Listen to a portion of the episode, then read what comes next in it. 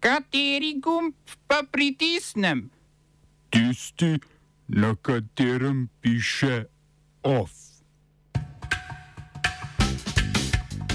Notranja ministrica Tatjana Bobnar v pismu Golobu napovedala odstop. Panika o pomankanju goriva na Mačarskem privedla do odprave cenovne kapice.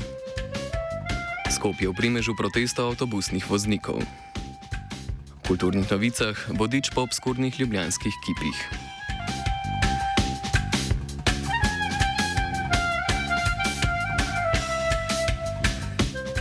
Uporniška skupina M23, ki nadzoruje ozemlje na vzhodu Demokratične republike Kongo, je sporočila, da so se njeni pripadniki pripravljeni umakniti iz zasedenih območij in se vključiti v mirovne pogovore z vlado. Skupina je izjavo podala po obtožbah vlade, da so uporniki povzročili pokol v provinci Severni Kivu, ki je terjal 272 žrtev. Odgovornost za napad ti sicer zanikajo in priznavajo le osem žrtev. Konflikt med vlado Demokratične republike Kongo in gibanjem M23 se je ponovno zaostril v oktobru, ko so borci začeli z ofenzivo na vzhodu države, umik skupine pa je bil tudi predmet mirovnih pogovorov med državo in sosednjo Ruando. Na vzhod Konga vojsko v pomoč vladi pošiljajo tudi sosednje države kot so Kenija, Uganda in Južni Sudan. Skupina M23 je bila vzpostavljena po ruandskem genocidu leta 1940. 1994 kot samo oklicana zaščitnica pravic etnične manjšine Tutsijev v Kongu.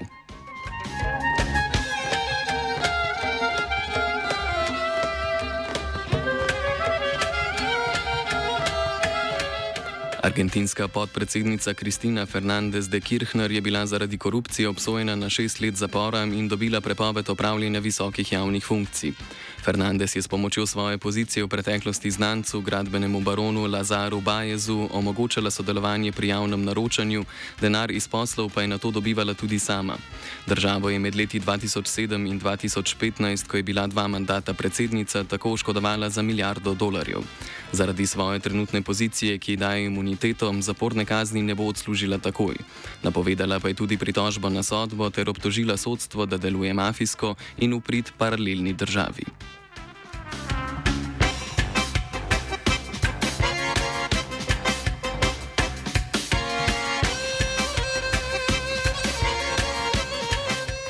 Senatorski tekmi v ameriški zvezdni državi Georgiji je v drugem krogu zmagal demokrat Rafael Warnock in tako premagal republikanskega izzivalca Herscheja Vokarja.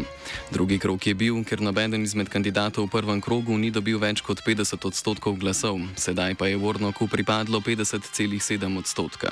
Warnock je v letu 2021 prav tako po drugem krogu volitev postal prvi temnopolti zvezdni senator iz George.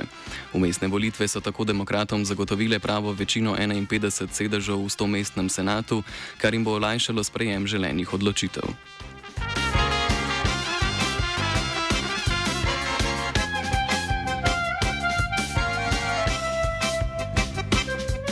Latvija je ukinila licenco ruski liberalno usmerjeni televiziji TV Dodge, saj naj bi ta predstavljala grožno nacionalni varnosti.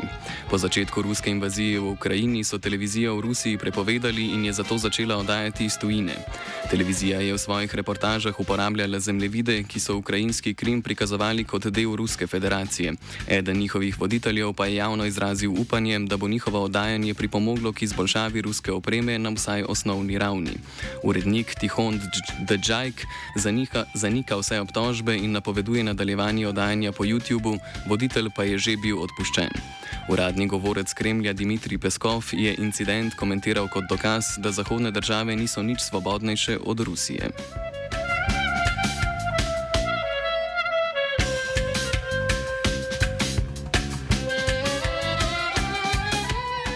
Mačarska. Pardon, Mačarska je po paniki zaradi pomankanja goriva odpravila cenovno kapico. Vlada Viktorja Orbana je odločitev sprejela na pobudo energetske družbe MOL, ki meni, da je edina rešitev za oblažitev pomankanja goriva ustvarjanje ustreznih pogojev za večji uvoz. MOL vseh potreb ni zmogel zadostiti sam, saj se na eni strani izmed, njih, se na eni izmed njihovih rafinerij izvaja vzdrževalna dela. Kapica v vrednosti 1,17 evra na liter nafte in benzina je bila sprejeta leto nazaj kot Orbanov ukrep za zaščito domačih gospodinstv in je omejevala vse tuje uvoznike, kar je ustvarilo pomankanje.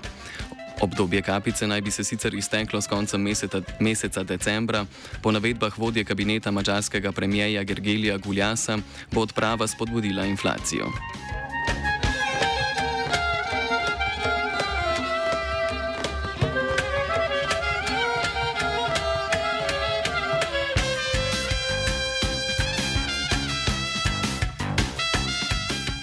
Makedonska prestolnica je že drugi dan ujeta v krču protestov zasebnih voznikov avtobusov, ki zahtevajo, da jim mestne oblasti plačajo porabljeno gorivo.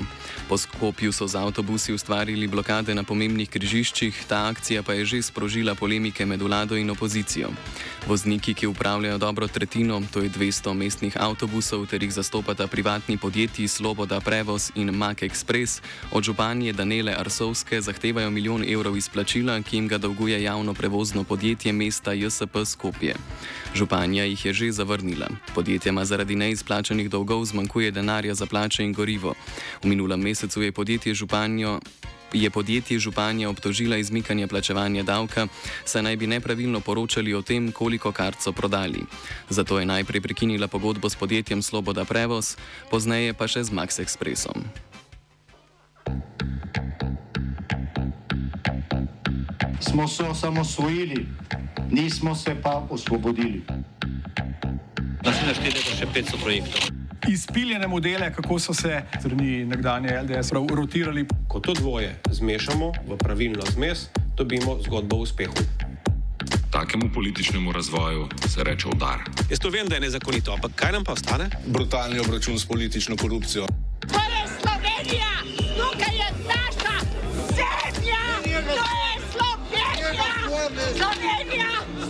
Slovenija. Ministrica za notranje zadeve Tatjana Bobnar je v pismu predsedniku vlade Robertu Gorobu oznanila, da bo po prihodu iz službene poti v Bruselj podala odstopno izjavo. Novico so za slovensko tiskovno agencijo potrdili na notranjem ministrstvu. Tatjana Bobnar je v petek v izjavi za javnost dejala, da se mora politika končati pred urati generalnega direktorja policije, pri tem stališču pa bo ustrajala, če tudi bo zato izgubila ministersko mesto. Z Golobom sta se sestala v ponedeljek. Po pogovoru je Golob sporočil, da se razhajata glede očitkov o politizaciji dela policije. Golop je vršilca dolžnosti generalnega direktorja policije Boštjana Lindava potem zaprosil za pojasnila, ali je kdorkoli od ministrov, državnih sekretarjev in drugih funkcionarjev, vključno z ministrico za notranje zadeve, na policijo izvajal politični pritisk ali želel pridobiti informacije o konkretnih postopkih, ki jih vodi policija, oziroma vplivati na nje. Z Ministrstva za notranje zadeve so po premijeju pojasnila ministrice in vršilca dolžnosti generalnega direktorja že poslali. Prav v tem pismu pa je Bobnar sporočila, da bo po vrnitvi iz Bruslja podala odstopno izjavo. Časnik večer se sklicuje na neuradne informacije in poroča, da je tajno poročilo Lindava zelo podrobno, vsebovalo pa naj bi tudi konkretna imena ljudi, ki so v mandatu sedanje vlade izvajali pritisk na delo policije.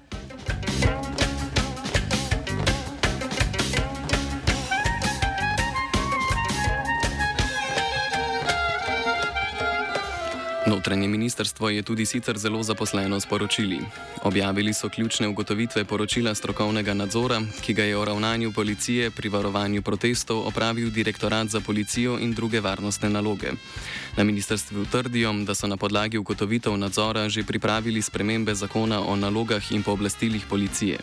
Po spremembah vodni curek sozivcem ne bo več mogoč, nad uporabo prisilnih sredstev zopr množico bo več nadzora in odgovornosti, predstavniki politike pa ne bodo več imeli dostopa v prostore operativnega štaba, ko ta opravlja naloge policije. V nadzoru policijskega ravnanja pri varovanju protestov v Ljubljani maja in junija 2020 ter junija, septembra in oktobra 2021 so ugotovili več sistemskih ter posameznih nepravilnosti. Direktorat je med posameznimi nepravilnostmi prepoznal nesorazmerno, neupravičeno in nestrokovno uporabo prisilnih sredstev. Prepoznal je uporabo vodnega curka s primesjo plinskih sredstev proti posameznikom, ki niso huje kršili javnega reda in celo proti vidno bolnemu posamezniku. Poleg tega je direktorat odkril tudi prirejanje vsebin v dokumentu o, o uporabi prisilnih sredstev.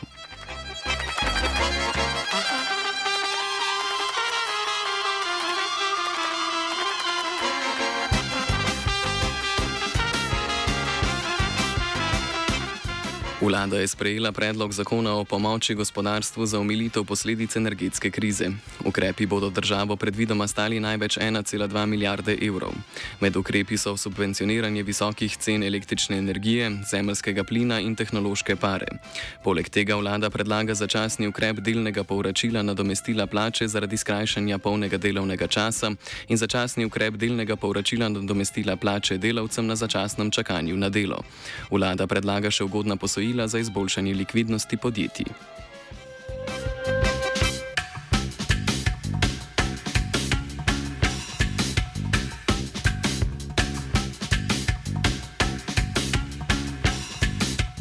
Programski svet Radio Televizije Slovenija bi moral na zahtevo 12 od 29 programskih svetnikov odločati o pobudi za razrešitev generalnega direktorja Andreja Graha Watmawa.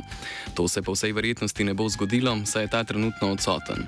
Očitajo mu mnoge kršitve poslovnika, blokado programskega sveta in nezmožnosti vzpostavitve socialnega dialoga. Politično kadrovanje, ki ga sedaj na zavodu izvajajo pod Watmawom, naj bi po mnenju podpisnikov botrovalo k padcu javnega zaupanja medijev mediju. O razrešitvi bi morali programski svetniki odločati prihodnji ponedeljek. Of je pripravil vajenec Filip, zraven je sedela Tija.